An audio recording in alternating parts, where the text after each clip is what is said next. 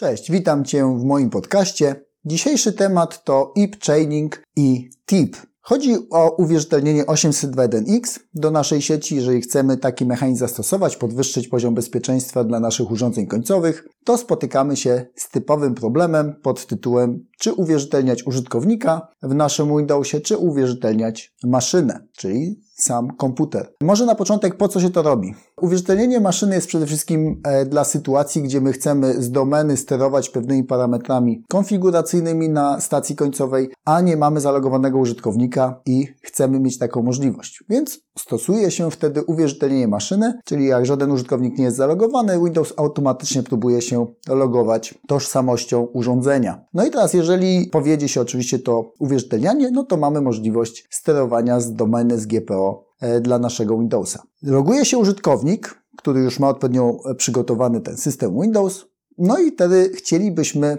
uwierzytelnić tego użytkownika jako indywidualną osobę, bo ta osoba może mieć inny poziom dostępu i powinna mieć nawet inny poziom dostępu niż nasz komputer, uwierzytelniony maszynowo. Więc tutaj dwie te metody uwierzytelniania, czy dwie tożsamości bardziej uwierzytelniania mają znaczenie. Najlepiej by było oczywiście, gdybyśmy mogli wykorzystać obie te informacje, bo często chcielibyśmy rozróżnić, czy nasz użytkownik domenowy może mieć odpowiedni poziom uprawnień pod warunkiem, że łączy się z komputera, który jest własnością naszej firmy. No i tutaj też realizuje się to na kilka różnych sposobów. Jednym ze sposobów jest oczywiście najpierw zanotowanie takiej informacji, że dany endpoint się zalogował maszynowo, czyli że ten Windows jest faktycznie w domenie i prawidłowo się uwierzytelnił, a potem rozłączenie tego urządzenia i ponowne uwierzytelnienie użytkownikiem. Tyle tylko, że to jest mało elegancki sposób, e, zwłaszcza z punktu widzenia użytkownika. Nie zawsze może być taki pewny ten scenariusz do zadziałania. W związku z tym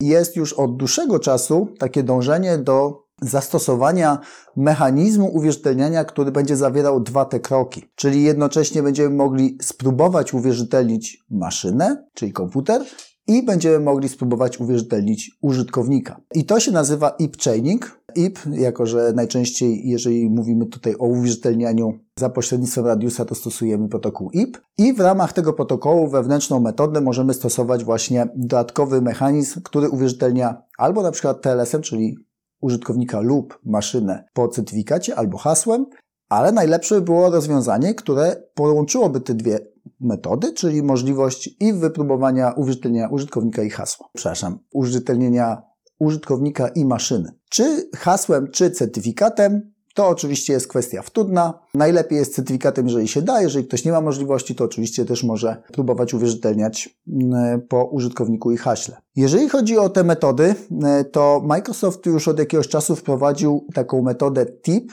umożliwiającą od strony suplikanta Windowsowego właśnie uwierzytelnienie w oparciu o użytkownika oraz maszynę. I teraz, jeżeli konfigurujemy taki tryb uwierzytelnienia, to po prostu w konfiguracji Windowsa, tego suplikanta, wybieramy, jaki typ mm, będziemy uwierzytelnienia wykonywać i następnie, czy będziemy używać certyfikatu, czy hasła dla pierwszego kroku i drugiego kroku. Jeżeli uda nam się to zastosować, i skonfigurujemy oczywiście właściwie po stronie Radiusa odpowiednią politykę, która będzie oczekiwać taki typ komunikacji od strony suplikanta, no to możemy uzyskać różne efekty po stronie Radiusa. Czyli możemy uzyskać efekt, że prawidłowe uwierzytelnienie będzie tylko maszynowe, użytkownik nie uwierzytelni się prawidłowo. Możemy uzyskać sytuację taką, że uwierzytelni się użytkownik prawidłowo, ale nie uwierzytelni się maszyna. No i możemy wreszcie uzyskać e, sytuację, że uwierzytelni się i użytkownik, i maszyna z powodzeniem i wtedy możemy przypisywać różne profile dostępu w zależności od scenariusza.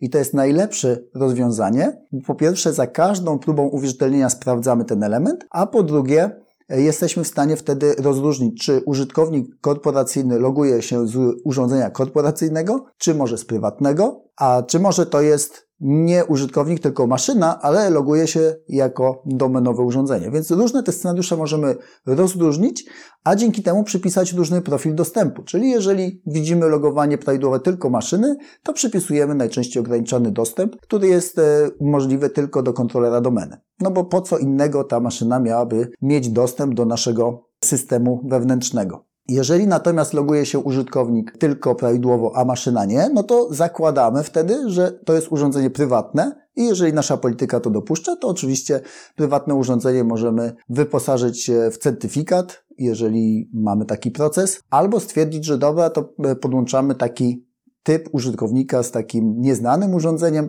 tylko do internetu i nie umożliwiamy komunikacji z wewnętrznymi naszymi krytycznymi systemami. No i wreszcie, jeżeli mamy obie rzeczy spełnione, czyli i użytkownik, i maszyna jest znana, spełnia nasze oczekiwania, to podłączamy z pełnym profilem, który jest związany z daną rolą. Czyli użytkownik na przykład księgowość podłączamy z profilem dostępu do systemów księgowych. Oczywiście ta zasada, żeby minimalizować ilość aplikacji, którą ma dostępny dany użytkownik, to jest najlepsza praktyka, należy to robić, czyli za każdym razem jak uwierzytelniamy użytkownika, sprawdzamy najczęściej jego przynależność do grupy w AD i na tej podstawie przyznajemy odpowiedni profil. Te profile, jeżeli jesteś w stanie dostosować tak szczegółowo, jak tylko możesz, to jest to dobrze zrobić, czyli tylko do tych naprawdę wybranych systemów. Oczywiście im bardziej to szczegółowo zrobisz, tym będziesz miał więcej profili. Ale warto nad tym posiedzieć i poświęcić czas, bo w przypadku ewentualnego naruszenia bezpieczeństwa, co widać najwyraźniej e, w tych bieżących zgłoszeniach.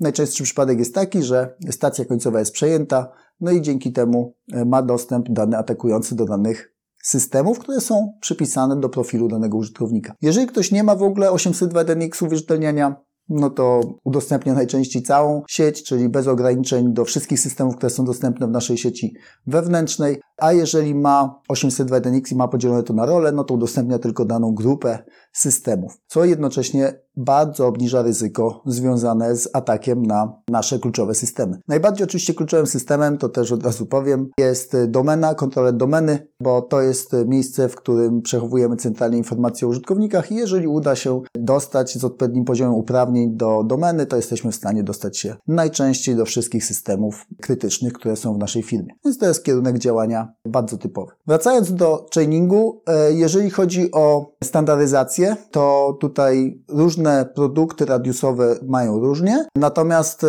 najważniejszy z punktu widzenia praktycznego jest e, jednak ten suplikant końcowy i jego wsparcie dla danej metody. Czyli jeżeli masz metodę specyficzną, niestandardową, ale klient końcowy razem z tym serwerem radiusowym wspierają tę metodę, to oczywiście tu nie ma problemu, bo tu komunikacja jest potrzebna pomiędzy urządzeniem końcowym, tu typowo Windowsem, stacją końcową, a systemem Radius. Jeżeli w ramach tej komunikacji, na przykład TIPA wspomnianego, jesteś w stanie wykonać te dwa kroki uwierzytelnienia, no to jest to najlepsze rozwiązanie z możliwych. Co się do tej pory robiło, jeżeli nie było takiego wsparcia na stacji końcowej? Najczęstszym takim schematem, który widziałem, e, polegał na tym, że e, próba uwierzytelnienia maszynowo była zapisywana w kontekście e, Maca, czyli endpoint na radiusie miał zapisywany taki status, taki checkbox, że to jest urządzenie uwierzytelnione już maszynowo i co jakiś czas było po prostu to uwierzytelnienie odświeżane. I teraz, jeżeli logował się użytkownik z tego Maca,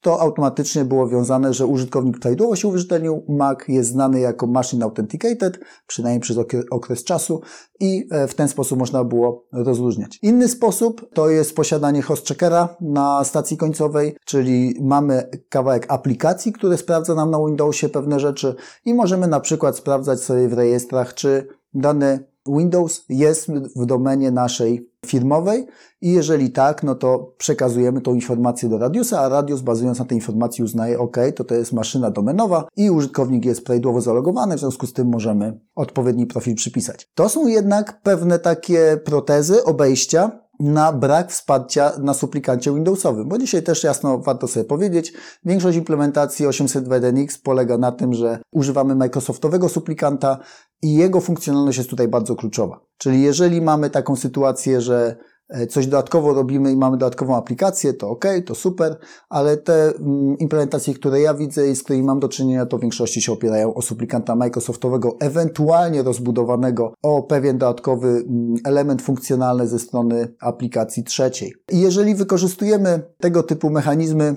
wymiany informacji pomiędzy radiusem a stacją końcową, no to mamy pełną informację o tym, co to za urządzenie jest, czy ono jest w naszej domenie, czy nie zostało na przykład usunięte z tej domeny, czy nie został e, podmieniony identyfikator albo certyfikat. Różne tutaj rzeczy należy sprawdzać. Dzisiaj może nie będę bardzo wnikał w ten temat. Jeżeli to Cię ciekawi, to oczywiście napisz w komentarzu, co za temat byś chciał omówić e, i e, jak będę mógł, to oczywiście do niego wrócę i wyjaśnię. Na dzisiaj to tyle. Dziękuję Ci za uwagę i do usłyszenia już za tydzień.